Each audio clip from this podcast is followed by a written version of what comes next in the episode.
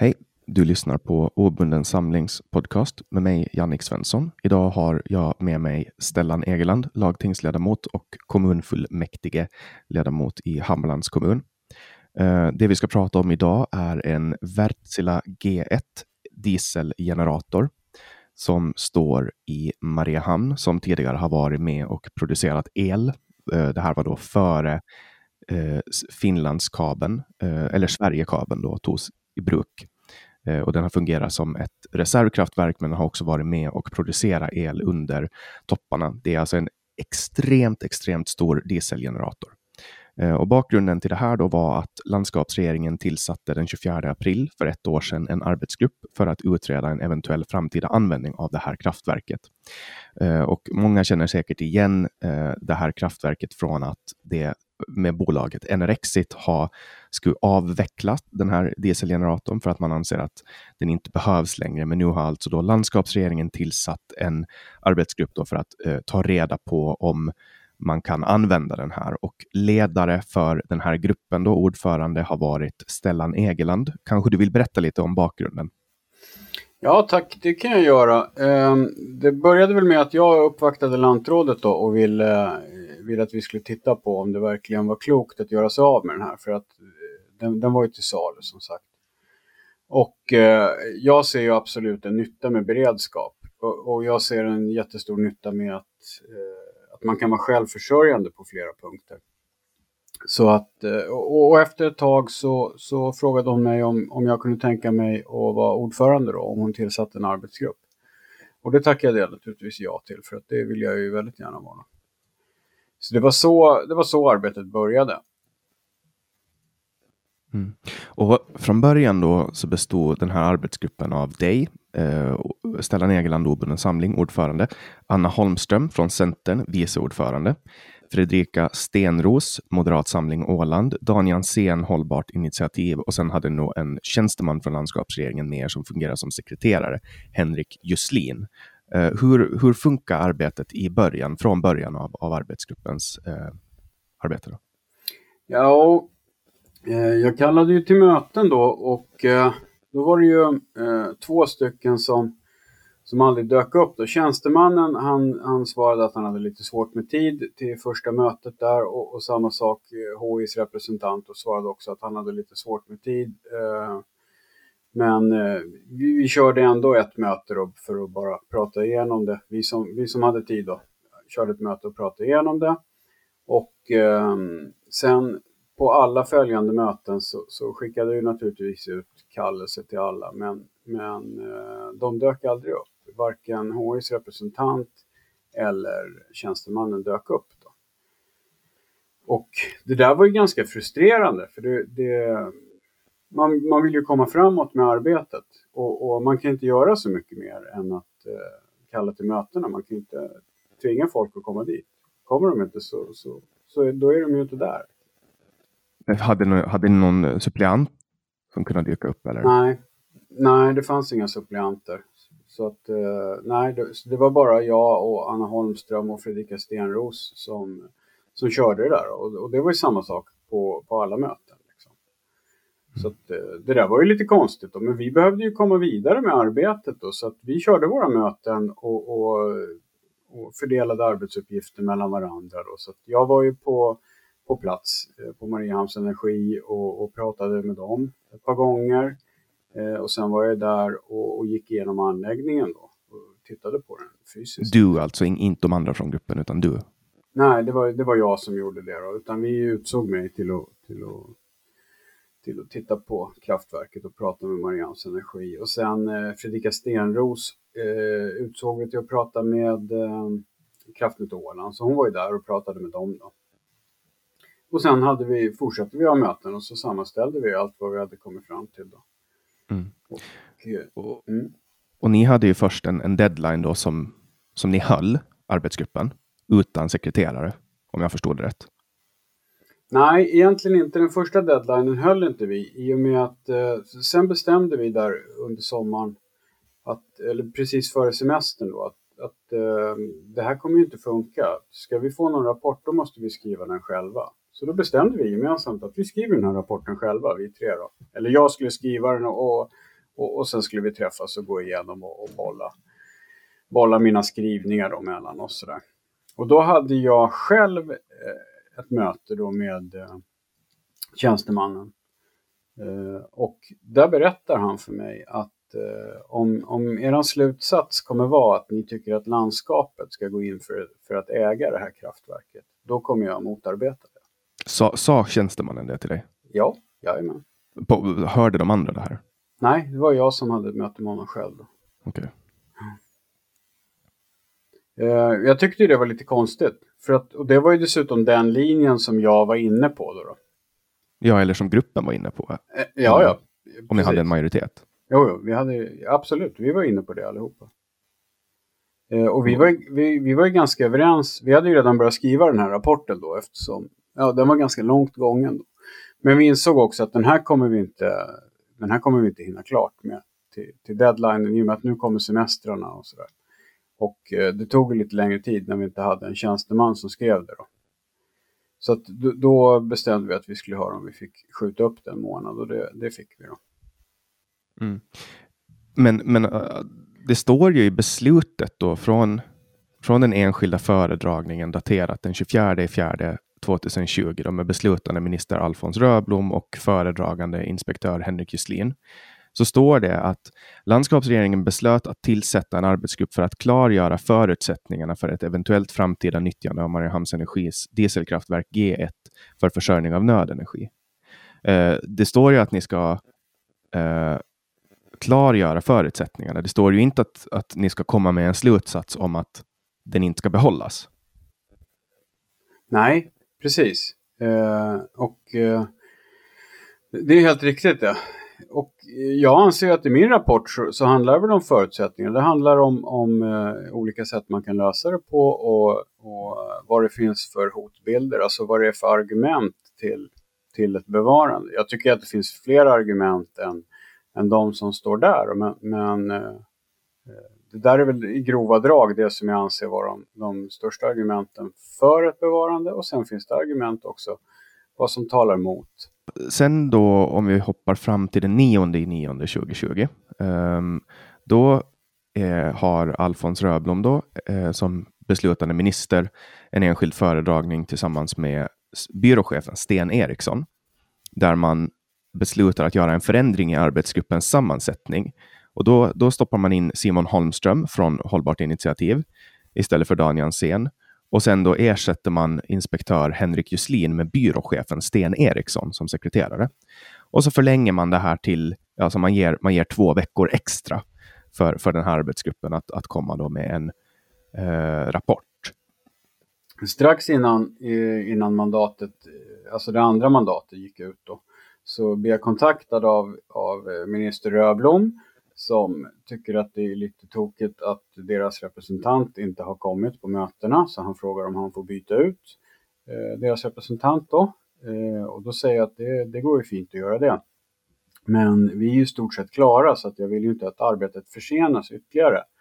Eh, jag har ju också blivit, blivit eh, kontaktad av radion ett par gånger som undrar hur det går och jag har lovat dem att, att inom två veckor så är det här färdigt. Jag har ingen lust att bära hundhuvudet för att för att ni vill byta er representant. Så att, eh, gör gärna det, men bara det inte blir sinkat. Då, eh, då satte de in Simon Holmström eh, och han, eh, han höll ju med om att, att han vill inte heller sinka det här, utan han sa att, att eh, om inte jag kan omfatta det som ni har kommit fram till så får jag reservera mig i stort sett bara om vi inte kan komma överens. Liksom. Men, men, eh, han ville inte sinka det här heller, påstod han. Eh, och sen Eh, några dagar senare, då blir jag kontaktad av Sten Eriksson som berättar att han har blivit utsedd eh, till sekreterare för den här arbetsgruppen. Och det var inget som vi hade pratat om, utan vi var ju klara. Vi hade ju gjort det här som en, en parlamentarisk grupp. Vi hade skrivit rapporten. Liksom. Så att, eh, jag kände inget behov av en sekreterare och jag ville absolut inte ha det försenat ännu mer. Eh, och eh, när sen då eh, Sten Eriksson och, och, och, vi hade det första mötet så märkte man att, att eh, det blev liksom en skillnad i arbetsgruppens arbete då. För att han ville skicka ut eh, brev till Mariehamns Energi och till Kraftnät Åland med frågor. Eh, jag var emot det och tyckte att det var onödigt eftersom jag redan har varit på, på Mariehamns Energi och det finns ju protokollfört vad, vad de står i frågan. Och eh, Fredrika har ju varit på Kraftnät Åland. Så att eh, vi har ju redan frågat ut dem. Men han ville specificera lite mera sådär och skicka ut frågor och det där tyckte ju då att de andra i arbetsgruppen att de tyckte att det var en bra idé då. Eh, så att eh, det var väl inte så mycket att göra åt det. Då var det ju bara ja, merparten, det var ju bara jag som inte tyckte det så att då var det ju bara att gå med på det då. Och, men då stod det ju klart att, att eh, vi kommer ju inte hålla tidsramen. Och eh, när, tids, när, när, första mandatet hade gått ut, eller andra mandatet hade gått ut, då, då kontaktade ju radion mig igen naturligtvis och frågade om det var klart nu. Då. Och då fick jag ju berätta, jag fick ju säga som det var då, att nej, det är inte klart för att det blev en ändring av sammansättningen av gruppen och nu skulle det skickas ut brev och nu väntar vi på svar på det. Um, just det. Och sen då efter att, att ni fick de här svaren från, från Mariehamns Energi och eh, Elandeslaget, eller Kraftnät Åland, förlåt. Vad, vad, vad sa de? Var det annat än, än det ni hade fått innan? Jag brukar ju säga så här, som man frågar får man svar. Eh, så att nu, det var ingen större skillnad på dem, men det var ju mera specificerat. Det ska jag ju inte säga någonting om, att, att de, de höll väl en, en högre kvalitet på det sättet då, i och med att det var specificerat bättre. Och, eh, men eh, de sa ju i stort sett samma sak. Och det, det har ju inte varit en hemlighet liksom, att Mariehamns Energi vill ju få bort den här. Det har vi vetat hela tiden. Det är ju ingen hemlighet. Liksom. Eh, så att, att de skulle svara att de vill ha bort den, det, det var ju inget konstigt. Liksom. Eh, och eh, Kraftnät Åland har väl också liksom, de, de ger väl också indikationer på att de de, de, har väl egentligen sagt varken bu eller bär. De säger väl i stort sett att de inte ser något behov av den. Men ja. Jag, jag håller ju inte med om det för att jag ser ju inte, jag ser ju inte Finlandskabeln som... Att vi har två kablar hit ser ju inte jag som en backup, om vi säger så. Bara mm. delvis. Nej, och krisberedskap är ju i grund och botten politiska beslut. Ja. Läser man läser man den här rapporten då, som jag antar att blev omformad. Den här, för den här rapporten som, som, som jag har framför mig nu, det är inte en som, som du skrev. Nej, jag vet inte vilken rapport du har framför dig. Men den ja, ja den offentliga, arbets... den officiella rapporten. Ja, den nej, precis. Den är, den är inte ens i närheten av den som jag skrev. Men den som jag skrev är ju med också. Som, eh, jag har ju lämnat in min reservation och jag har ju lämnat in min rapport. Eller mm. den blev ju min rapport den var ju arbetsgruppens rapport ända fram till sluttampen där. Liksom. Mm. Det var inte så att, att jag själv stod bakom den, utan eh, den där författade vi tillsammans. Just det, så, så om jag uppfattar det här rätt då så har du och arbetsgruppen eh, fått uppdrag att skriva en rapport där ni ska utreda om man ska behålla den här Wärtsilä G1-generatorn eh, eller inte. Ni har kommit fram till att man ska behålla den. Eh, och sen har man då från avdelningen eh, som är ansvarig för det här då eh, ansett att rapporten inte föll ut enligt det man ville och då stoppar man in nya människor och en ny tjänsteman eh, och så producerar man en, en, annan rapport istället. Nej, så kan man inte se det för att det var ju ingen annan som hade sett rapporten ännu. Eh, så, att, så att något sånt spel fanns nog inte. Att, men eh, men du, du, du, sa ju att den här tjänstemannen först då hade sagt att om, om ni tänker anse att den här ska behållas så kommer jag att sätta stopp för det. Ja, ja, det har han sagt, absolut. Men han har inte sett vår rapport för det. Mm. Men sen byttes ju han ut då mot, mot, man bytte ut tjänstemannen och man stoppade in en ny ledamot. Ja. Och då, och då, för, då förändrades läget? Ja. Var det på grund av att ny information uppkom eller för att man man ville liksom att rapporten skulle falla ut på ett annat sätt? Jag kan inte svara på det, men jag kan ju bara spekulera i det. Och jag tror ju att det här, eh, jag tror att det här handlar om en viss tjänstemannaaktivism från början till slut. Jag, jag kan inte se något, något eh, hur, det skulle, hur det skulle ligga till annars. Alltså mm. arbetsgruppen har ju blivit motarbetad från början till slut. Ja, eh, går man in och läser den här rapporten så finns det ju eh, lite konstiga, vad jag kan tycka, formuleringar angående att man ska använda elbilar och smarta elnät. Um, så står det vidare kan konstateras att expansionen av elfordon i smarta elnät kan komma att etablera ett nät av småskaliga batterier, vilket till viss del under en begränsad tid kan täcka hushållskonsumtion. Uh, det låter ju som önsketänkande. Det finns ingenting som heter smart elnät på Åland och det finns en mycket begränsad eh, flotta av elfordon och eh, är de här elfordonen ens kompatibla att kopplas upp på folks hem? Ja, alltså vi har ju de frågeställningarna till att börja med oss, men, men ändå så här, vad har det med saken att göra? Det var väl inte det rapporten handlade om? Vad vi har för för framtidsvisioner med smarta elnät. Så den där, det, det passar inte in överhuvudtaget. Men... Nej, jag, tycker, jag tycker att det är en jättekonstig formulering. Eh, sen står det också då, var du med och liksom, fanns den här från början med? Nej, alltså fr från början så var det ju en helt annan eh, det var en helt annan rapport, den som jag har lämnat in som min reservation. Det här, mm. det här kom ju på sluttampen. Sen kommer det också här, att man betonar vikten av en proaktiv hantering av olika typer av krissituationer. Och då vill man till exempel då att vid extremväder så ska man använda mobila elgeneratorer. Och att, eh, att frivilliga brandkårer ska utgöra mobiliserande aktörer i de här lägena. Men, men det finns liksom ingenting som pekar mot att hur ska man göra det här? Vad ska man köpa för elgeneratorer? Utan det här är ju någonting helt annat. Det man frågar efter, eh, som jag uppfattar det när jag läser eh, uppdragsbeskrivningen är ju, ska vi behålla dieselkraftverket eller inte? Och slutsatsen verkar ju vara så att ja, den kan behövas, eh, men man tycker att det är för dyrt. Men frågan är då sist och slutligen reservkraft. Ska man, ska man liksom um, ska, ska man kompromissa när det kommer till reservkraft? För, för du har ju rätt i det du säger i, i Ålands Radio att Eh, Sverige har ju haft en ganska prekär situation nu när det har kommit till el, elförsörjning. De har ju bland annat då de har ju, eh, för det första så har de startat ett, eh, ett oljekraftverk nere i Karlshamn, tror jag det var. Eh, man har avvecklat kärnkraften, man har utvecklat vindkraften ganska mycket eh, och, och nu under vintern så har man gått ut, precis som du säger i Ålands Radio, gått ut och sagt att folk inte ska eh, dammsuga under kalla dagar.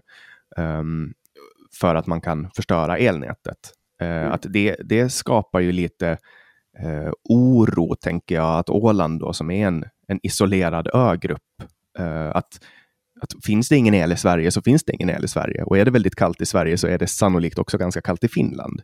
Att man, det, det, finns det något avtal idag som reglerar att, man, att de måste skicka nödel till oss på Åland? Nej, nej, det gör det inte.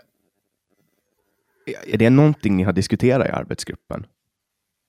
Det faktum att jo. det inte finns något avtal som reglerar att Åland måste få? Eh, jo då, vi har diskuterat det.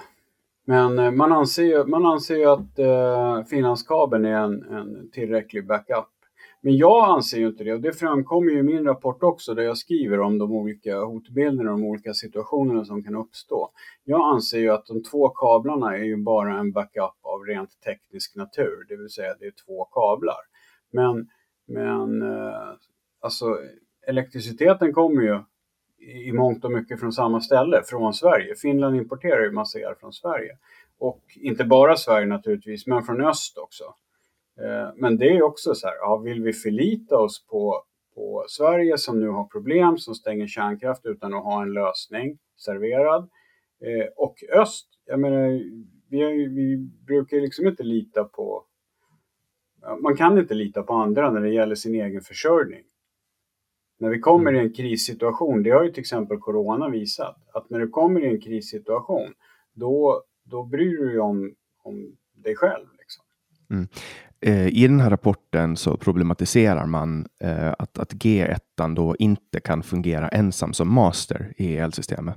Mm, det stämmer det. Och, man behöver då en annan enhet som sköter regleringen och frekvenshållningen. Betyder det att, att i en krissituation så kan det vara så att G1 inte kan vara användbar? Nej, det betyder, att du kan, det betyder att du inte kan köra G1 själv. Men det behöver du inte göra heller för du har ju turbinerna i Tingsbacka som du kan köra som frekvensreferens. Och de går på, de, vad går de på för, för bränsle? Du, Är det flygplansbränsle? Eller något ja, sånt? jag tror nästan det. Ja, det. Det kommer jag faktiskt inte ihåg. Vi har ju sett det och det står väl i någon av, av eh, alla dokument som jag har. Men jag kommer faktiskt inte ihåg hur, vad de går på. Det jag vet är att, att uh, turbinerna i Tingsbacka har ju ungefär halva verkningsgraden mot vad G1 har. Det vill säga att G1 producerar samma energi eh, till ungefär halva bränsleförbrukningen. Eh, och om vi säger då att vi hamnar i en krissituation, vi vet ju inte vilken typ av krissituation, men blir det, säg att det blir ofred, då kommer ju bränsletillgång vara ett problem. Då vill du ju verkligen ha något som, som eh, hushåller med bränslet. Mm. Men, men kan man då om, om de turbinerna eh, slocknar, kan man även använda dem som, som master även om de är, är så, så, att säga, motorerna inte drivs? För, nej, du måste, göra om, du måste göra om vissa grejer på G1 för att kunna köra den som master. Då kan du köra den. Eh, men inte, som det är uppsatt nu så kan du inte köra den eh, ensam. Liksom. Mm. Alltså alternativet från att behålla den här är ju att egentligen bara låsa utrymmet och kasta bort nyckeln. Det kostar ju för mycket att skrota den och det är ingen som vill köpa den. Det kostar mera att, att få ut den därifrån än vad du får betalt för den. Så enkelt är det ju. Mm. Så att det, det, alternativet är att man helt enkelt stänger av värmen i utrymme och så låser man och bommar om sig. Så att den får stå där och, och liksom förfalla. Ja, det har ju funnits planer på vad man vill göra med det där utrymmet. Då. Man har ju velat bygga kontor där, men jag tror att de har, har gett upp de planerna nu. Men från början så var det väl därför som man ville ha ut den, för att man skulle bygga kontor där. Men mm. eh, jag måste flika in en grej till. När, jag vet den här lösningen med att man ska ha små portabla generatorer ute i kommunerna. Det är ju, det är ju en fin tanke och den är ju, det är också en, alltså det är ju ingen dålig lösning. Det är ju bra ifall elnätet pajar. Men samtidigt som man säger så här att G1 den går inte att sköta. Det är inte seriöst att tro att man kan sköta den eh, på samma, typ, på samma sätt som man gör med frivilliga brandkåren. Eh, men de här ute i kommunerna, de går bra att sköta med frivilliga brandkåren. Då har man till och med föreslagit att det där kan ju frivilliga brandkåren ta hand om. Mm. Det är också lite konstigt.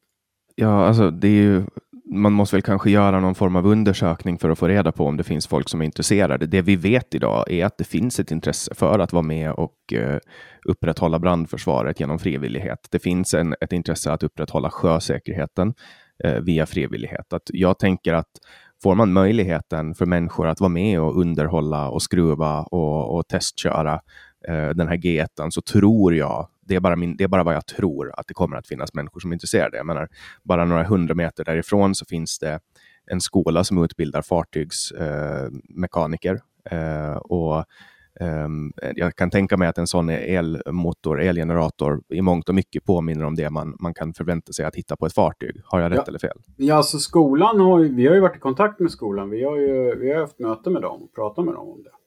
Uh, och det, de var ju absolut intresserade av att, att, att kunna få tillgång till den här motorn. För det skulle ju vara en jättebra eh, marknadsföringsgrej för dem. Att här har vi en sån motor som sitter i jättemånga fartyg runt om i världen. Som man faktiskt kan skruva på, som faktiskt är i bruk. Liksom. Så mm. Och så ska den startas en gång i månaden. Men, det fanns ett stort men där. För att de skulle ha någon form av intresse så måste den byggas om för miljöbränsle. För annars så stämmer det inte med deras hållbarhetspolicy. Okej, okay, men alltså Okej. Okay. Ja, precis. Är det skolans hållbarhetspolicy? Jo. Okej. Okay. Så att äh, men, därför... men bränslet ja. den drivs på, vad är, det för, vad är det för bränsle som den går på? Ja, det är lågsvavligt. Det är samma typ som alla fartyg som anlöper Mariehamn flera gånger om dagen. Så samma, det står likadana motorer fast utan avgasrening står ju lite längre bort. Mm. Och, och, de skruvar, och de får de åka på praktik och skruva på enligt deras hållbarhetspolicy då? Ja, det lär de väl få göra. Ja, det är alltså tung brännolja. som måste värmas upp. Jo, jo. det är Ja. precis samma som i Getan. Och, och om man ska använda den, visst det är ju, det är ju vackert att bygga om den till, eh, till något miljöbränsle, men, men det finns ju massa nackdelar med det också. Eh, förvaringen av miljöbränsle är väl kanske inte riktigt lika enkelt heller.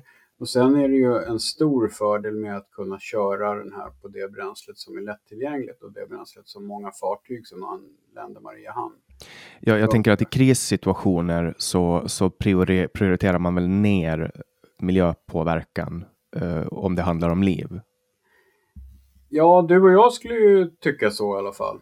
Och eh, jag menar, självklart så vill man väl inte ställa till med miljökatastrof bara för att det handlar om liv. Men, men det, det är ju inte riktigt så det är heller. Utan eh, det är som sagt samma motorer som står nere på tomgång där nere i hamnen hela tiden. Och som sitter och bränner mellan Sverige och, och Finland för att folk ska få göka och dricka grogg. Liksom. Har ni på något sätt utrett möjligheterna då för att kunna koppla på eh, färg, en färja eller flera färjor på elnätet för att kunna driva Åland i, i krissituationer? Alltså det skulle, ju, det skulle ju vara görbart, men det finns ju ingen infrastruktur för det. Liksom. Det finns ju inget, eh, det är inget som går att koppla på idag. Vad ska en sån koppling eh, kosta? det, det kan inte jag svara på vad en sån koppling skulle kosta. Men det har ju inte förts några sådana dialoger med, med rederinäringen om de kunde göra det. Och, och Mm. som sagt, det finns ingen infrastruktur för det idag heller.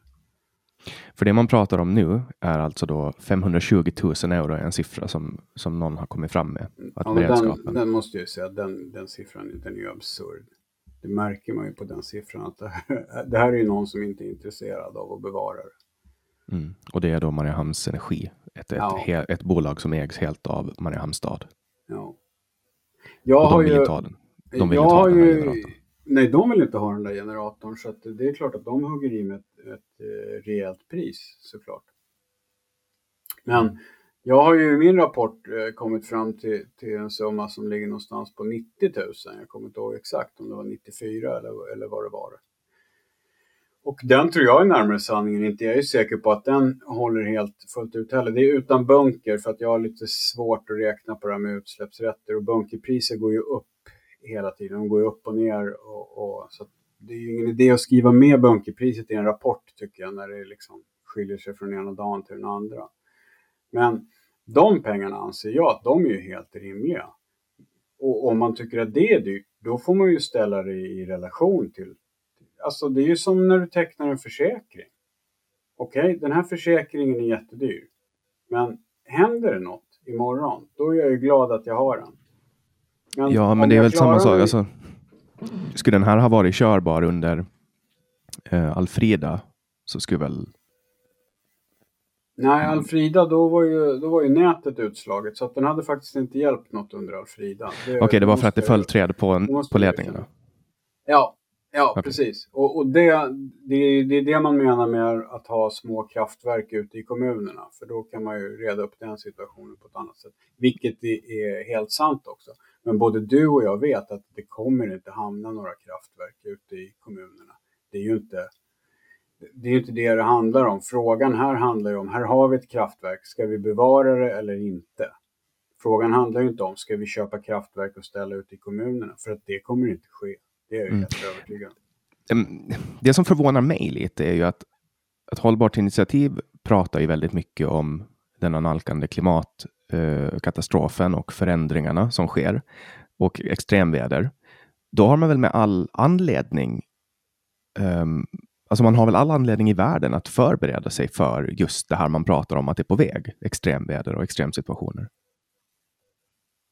Ja, fast det ligger väl inte kanske i deras eh, intresse att påtala att det finns ett problem i Sverige och att det kommer bli problem med leveranser när man går över till så kallad förnybar energi.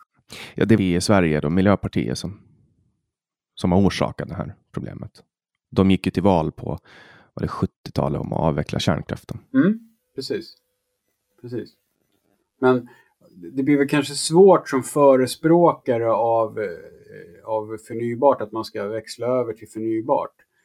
Eh, Så blir det väl kanske svårt att, att liksom erkänna att det leder till en massa problem. Något annat man pratar om är sotpartiklar. Ja, Alltså när man vrider igång den här och ska, och ska göra en provkörning då. Alltså det blir sot i skorstenen precis som det blir sot i avgasröret på en, en bil. Liksom. Det är inget konstigt med det. Så att, eh, när det är till exempel vissa väderleksförhållanden när det är fuktigt och du vrider igång din bil så kan det stänka ut svarta prickar på snön. Det är ju sotpartiklar som, som följer med ut. Liksom.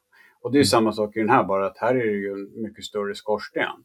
Och anledningen till att det inte flyger ut massa sotpartiklar i färgerna hela tiden när de lägger till, det är för att de är ju igång hela tiden. Men när du, när du vrider igång den här och skorstenen blir, som har stått kall där med sot i sig, eh, när den blir varm och, och det börjar flöda luft i den, då släpper det soppartiklar och så följer de ut och så, så kan ju de regna ner på bilarna som står på parkeringen där. Då.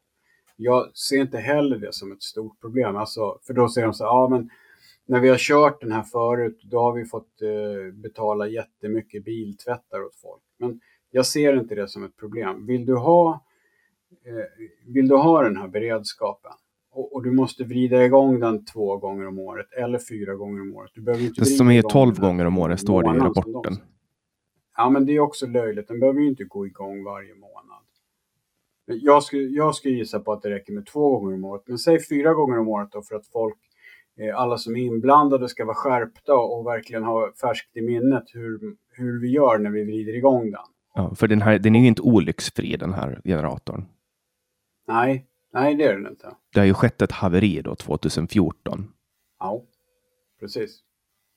Och där, man... det renoverar man, då renoverar man hela generatorn i princip. Mm, så, så, den är i stort sett nyrenoverad. Men jag måste avsluta det här med sotpartiklarna. Ja. ja. När du vrider igång den där då, då släpper det sotpartiklar och regnar ner över bilarna. Menar man allvar med att man vill ha en beredskap, då är det ju inte svårare än att man säger att det här datumet, då vrider vi igång den här. Vill ni inte ha sotpartiklar på bilen så får ni parkera någon annanstans eller cykla den dagen. Alltså, ja, man kan ju göra det som, som de här larmen som utgår varje månad den första klockan 12 så kan man ju också samtidigt att starta ja. det här. Alltså till exempel, att, då vet ju, för folk vet ju att kommer det ett larm den första klockan 12, då, då vet man att det inte är mm. ett larm, utan att det är test. Ja, precis. Precis. Och här, här skulle man veta då att fyra gånger om året så, så måste jag lämna bilen hemma. Eller så vrider man vrider igång den på en helg också när ändå ingen är där. Liksom. Det, är, det är väl mest parkeringen vid tiden liksom, mm. som det handlar om. Men ja, är sot så farligt där, för miljön? Alltså det är väl inte hälsokost det heller, som, som uh, det där sotet, men du behöver ju inte överdriva det heller. Mm. Som sagt, det är ju inte så att partiklarna, det kommer ju inte mindre partiklar från de motorer som är igång hela tiden på, på båtarna. Det är bara det att de släpper ju när, när det har varit avstängt och du vrider igång igen. Det är kontinuerligt, det är en kontinuerlig ja. process då, så att man ser det helt enkelt inte när de är på hela tiden. Exakt. Mm. Exakt. Och det här sotet är då restprodukter från förbränningen? Från förbränningen. Ja. ja. Men eh, i alla fall, den här summan då som, som det skulle handla om. Den skulle, jag tycker ju... Visst, det är mycket pengar, men som sagt, sätt det i relation då. Och sen, vad, vad, har vi, vad har vi vi kan spara in på? Jag kan ju räkna upp jättemånga grejer som, som kostar sådana här pengar som vi skulle kunna dra in utan att en enda ålänning skulle känna sig liksom, det skulle inte vara en katastrof för någon. Men den dagen det blir kallt, då är det en katastrof för någon. Mm. Alltså bara lek med tanken att det är, det är mellan 10 och 15 minus. Och det slocknar. Alltså det är en katastrof av rang. Alltså, ja, alltså mycket när vattenledningar fryser och spricker Um, det blir extrema kostnader för att, att reparera det. Ja, om du bor i ett vanligt hus, hur, hur ska du ens hålla värmen där inne? Alltså mm. det är ju mm. på riktigt, har vi ingen elektricitet och det är vid fel tillfälle så kommer ju människor att dö. Ja, ja i, i värsta fall så, så, så, blir det ju så. Ja. ja. Så vad, vad är slutsatsen av det här tycker du? Du har reserverat dig mot den här rapporten. Du har varit med ända från början och nu har du reserverat dig trots att du är ordförande. Ja. Eh, vad är din slutsats nu när det här går vidare till landskapsregeringen? Nej, jag, jag vet inte vad, vad de kommer fatta för beslut baserat på det här. Men de kommer ju säkert gå på, på den här rapporten då. Men det finns ju också tidigare rapporter som, som talar för ett bevarande. Så att eh, jag vet faktiskt inte hur de, hur de kommer ställa sig till det här. Men, mm. Eh, nu outsourcar man ju helt enkelt då krisförsörjningen till Sverige och Finland. Mm. Så kan man ju säga. Fast då kan man ju inte nästan, då kan man inte kalla det för krisförsörjning heller. Mm. Ja. Och speciellt inte med tanke på att mycket av elen kommer från samma ställe. Liksom. Och de har problem. Mm. Och nu, nu då den här veckan så har ni blivit befriade från uppdraget och eh, beslutet tas vidare då till landskapsregeringen. Ja. Jag tycker att man, man, man måste tänka på några grejer här. Bland annat så, en lärdom som jag har dragit med, som jag har dragit av det här, det är hur, eh, hur tjänstemän kan styra ärenden som de, som, de inte är, som de är intresserade av ett visst utfall. I det här fallet så, hur långt, hur långt har det här blivit försenat? Och som politiker har inte jag kunnat göra någonting. Jag fick ju nog i januari så då lämnade jag in, då, då lämnade jag in eh, min rapport till landskapsregeringen och eh, med, tillsammans med en redogörelse för hur det hade fungerat här med arbetsgruppen. Och hur tjänstemännen hade, hade skött det här. Liksom. Mm. Eh, men ju, man känner ju en, en, stor frustration liksom, när man vill få arbetet gjort men, eh, men det är helt omöjligt. För att det enda du möts av det är svaret att ah, jag har inte haft tid. Mm. Och. Ålands Radio gjorde ju en intervju då med Anna Holmström och dig där ungefär 80 procent av intervjun var Anna Holmström och 20 procent var du. Um, jag reagerar lite på den fördelningen eftersom det är du som har varit ordförande och drivit hela den här um, tesen om att man ska uh, behålla det här och kommit fram till det och sen har man då i slutet så att säga ändra och då, och då väljer man att istället prata med Anna Holmström som, om jag förstår det rätt på dig, från början var inne på samma spår som dig. Tills att man då bytte ut eh, HIs representant mot Simon Holmström och bytte eh, tjänsteman till Sten Eriksson. Ja, exakt. Jag tycker också att det är väldigt konstigt, men eh, och de klippte ju bort lite grejer som jag tyckte var intressanta där, bland annat när vi kom in och pratade om ekonomi. Då, så att Eh, när Anna Holmström, hon får ju berätta då vad, vad Mariehamns Energi påstår att det här kommer kosta. Eh, men när jag nämner vilka belopp jag kommer fram till, och det är faktiskt ungefär samma belopp som eh, samrådsgruppen kom fram till förra gången det var en utredning. Så att jag kan inte vara helt ute och cykla där eftersom de kom till ungefär samma. Men det klipper de ju bort i radion, det var ju inte med. Mm. Och nu är det då helt enkelt upp till Ålands landskapsregering att fatta ett beslut om hur man ska göra. Ja. Mm. Ja, eh, är det någonting annat som du tänker på att behöver lyftas upp före vi avslutar den här dagens podd? Nej, jag är nog ganska nöjd så. Mm. Vad bra då. Tusen tack Stellan Egeland, lagtingsledamot och kommunfullmäktige ledamot i Hammarlands kommun. Tack själv.